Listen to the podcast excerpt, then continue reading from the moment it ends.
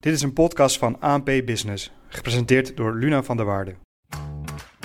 Het aantal vertrekkende Kamerleden neemt alsmaar toe. En experts maken zich zorgen, omdat degenen die overblijven minder ervaring hebben. Dat schrijft RTL Nieuws. Ik spreek hierover door met Charlotte van Asseldonk van de Talentleider. Wil je jezelf kort voorstellen? Hallo, ik ben Charlotte van Asseldonk, eigenaar van de Talentenleider, waarin ik uh, leidinggevende directeuren begeleid om meer vanuit invloed leiding te geven. Welkom. Zoals ik net ook al zei, het aantal vertrekkende Kamerleden uh, groeit. Um, het zijn er inmiddels al meer dan twintig in een maand tijd. En experts maken zich zorgen. Maak jij je ook zorgen? Ja, ik maak me ook zorgen, want dat betekent dat er veel nieuwe Kamerleden komen. En ik heb begrepen dat die minstens vier jaar nodig hebben voordat ze de ervaring hebben die nodig is om het kabinet goed te kunnen controleren. Dus ja, ik maak me wel zorgen. Ja, en jij bent vooral ook thuis in het bedrijfsleven. Um, wat is de trend in het bedrijfsleven als het gaat om mensen die vertrekken? En kun je op een bepaalde manier een parallel trekken met de politiek? Ja, dat is wel interessant, want wat ik in het bedrijfsleven zie, zijn natuurlijk zeker sinds COVID uh, op een hele andere manier gaan werken, veel meer hybride. En dat betekent dat uh, je altijd moet kijken, als er heel veel mensen gaan vertrekken, dan is het vaak een signaal dat er een disbalans is tussen wat mensen investeren en wat ze ervoor terugkrijgen. En denk dan aan het aantal uur wat ze werken, hè, dat zijn investeringen, de taken die ze hebben, de verantwoordelijkheden die ze hebben. En als daar een disbalans in staat met wat ze ervoor terugkrijgen, en dat gaat niet altijd over geld, dat gaat ook over aandacht, erkenning, uh, perspectief in carrière. Als dat niet met elkaar in balans is, dus die verhouding is verstoord, dan raken mensen opgebrand of uh, teleurgesteld en dan uh, verlaten ze vaak je organisatie. En die disbalans die is ook in het bedrijfsleven heel sterk geworden de laatste tijd, zeker door het hybride werken waardoor er vaak toch wat minder aandacht is voor mensen, wat minder erkenning, wat minder waardering. En uh, daar zie ik zeker een trend in. En daar moet je als leidinggever echt recht op zijn, ja. Ja, en zie je dat dan ook in de, in de politiek? Zijn dat dan, uh, denk je, dezelfde over, uh, de overwegingen om te stoppen? Dus dat de opbrengst te gering is, en, terwijl de investering juist enorm is?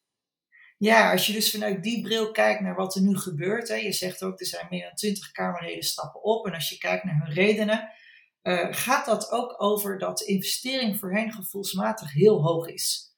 En ze hebben het over uh, het aantal werkuren, de stress, omdat ze heel snel en direct overal moeten reageren, weinig tijd voor gezin en hobby's, bedreigingen, respectloze uitlatingen op social media. Dat zijn allemaal investeringen die ze moeten doen. En als je kijkt wat er tegenover staat, uh, veel kiezen deze baan, denk ik, omdat ze het verschil willen maken voor de maatschappij, omdat ze invloed willen hebben, impact willen hebben. En uh, je kunt dus zien dat de investering voor hen gevoelsmatig zo hoog is geworden dat het niet meer opweegt wat ze ervoor terugkrijgen. Dus dat ze niet meer het gevoel hebben dat ze het verschil maken, geen erkenning of te weinig erkenning en waardering krijgen. Dus dat daar ook een disbalans voor hen is opgetreden in het werk wat ze doen. Dus ik denk dat er een hele parallel te trekken is. Ja, en wat zijn dan de gevolgen als al die Kamerleden vertrekken? Want er zullen vast allemaal uh, nieuwe politici staan te trappelen om, om de Kamer in te gaan. Ja, kijk, de gevolgen zijn, wat ik heb begrepen, is dat het uh, minimaal vier jaar duurt voordat je een beetje stevig Kamerlid bent. Dus voordat je weet wat de wetten zijn, wat de, de dossiers zijn, de regels, je netwerk hebt opgebouwd. Dus dat betekent dat het dus ook wel even duurt voordat je invloed hebt als Kamerlid. Uh, en je kunt je voorstellen dat als je als een nieuw Kamerlid toetreedt, dus als je dat allemaal moet leren, dat je enorme investering moet doen. Het kost je heel veel tijd, het kost je heel veel energie om dat allemaal eigen te maken. En dat in combinatie met dat je weinig invloed hebt, betekent dus dat daar ook een disbalans uh, voor hen zal zijn. Um, en iedere disbalans zorgt altijd voor een systeemverstoring in het grotere geheel. Dus als er veel disbalans is bij veel Kamerleden, gaat het systeem als geheel ook verstoord raken, waardoor sowieso veranderingen heel lastig te implementeren en uh, door te voeren zijn. Dus het heeft echt wel impact als er veel ervaring weggaat en veel nieuwe terugkomen.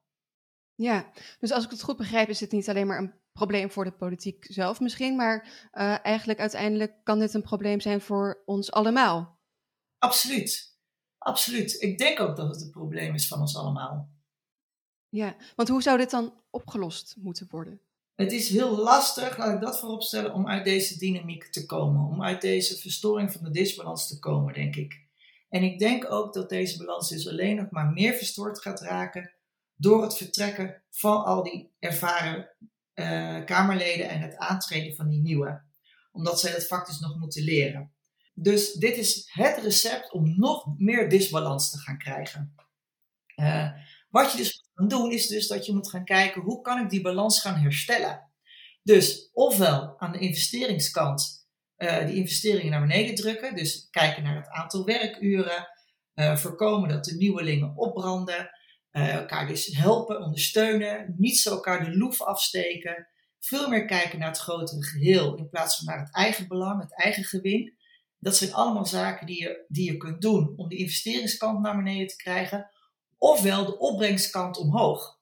Uh, dat wil zeggen meer erkenning, meer waardering, uh, minder bedreigingen, minder respectloze uitlatingen op de social media. Dus ergens moet die weegschaal, uh, moet daar iets in gebeuren. Of het een minder of het ander meer, om dus weer balans te krijgen. Ja, en je hebt het ook over elkaar. Hè? Wie bedoel je dan uh, precies? Kamerleden onderling of ook andere mensen op bijvoorbeeld social media die uitingen uh, doen?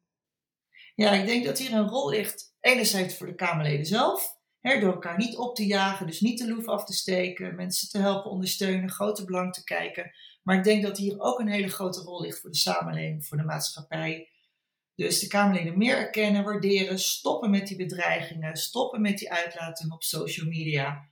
Um, en ik denk dat dat, dat dus op, op alle vlakken, dus dat iedereen hier een bijdrage in kan hebben en dan ook wel een rol in heeft om uh, die, die balans te herstellen. En als we dan weer even teruggaan naar, dat, uh, naar het bedrijfsleven en uh, als we dat dan weer even vergelijken met, met de politiek. Uh, want het gaat in de politiek vooral ook over inderdaad werkdruk, wat je net zei, de uitingen op social media, maar ook bijvoorbeeld de druk in het gezinsleven. Zijn dat ook de dingen die je terugziet in het bedrijfsleven en als redenen om bijvoorbeeld weg te gaan? Nou, absoluut. dus als de investering te hoog wordt, en dat betekent dus toch te veel uren. Dus dat er als leidinggevende eigenlijk maar verwacht dat mensen altijd maar doorwerken, altijd beschikbaar, bereikbaar zijn. Hè? En zeker met die social media of de WhatsApp, er wordt snel even een appje gestuurd, ook in het weekend, s'avonds.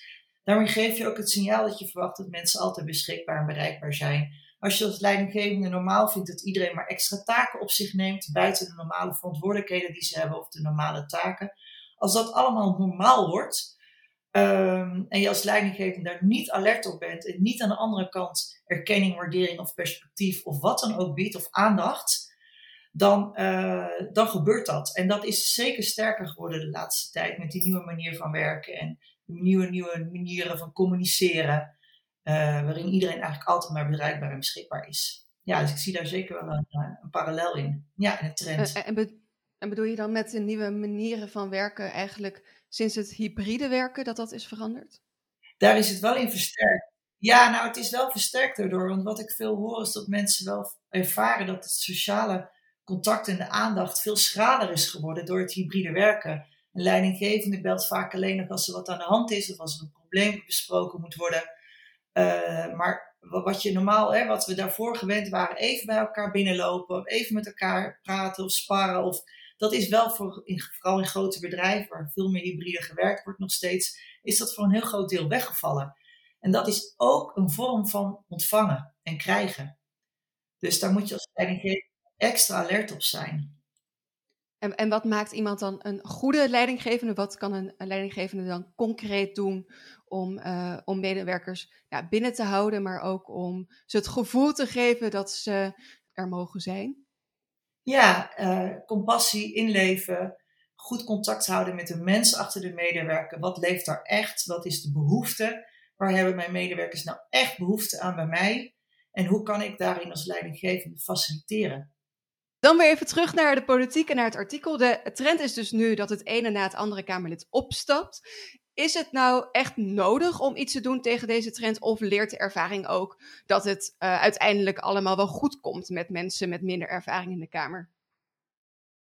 Ik denk dat het uh, probleem zich niet vanzelf oplost. Uh, dat het dus alleen maar versterkt wordt. Dus ik denk dat het heel goed is om hier echt aandacht voor te hebben. En toch proberen die balans in orde te krijgen en dynamiek te doorbreken. Dus er is zeker actie nodig.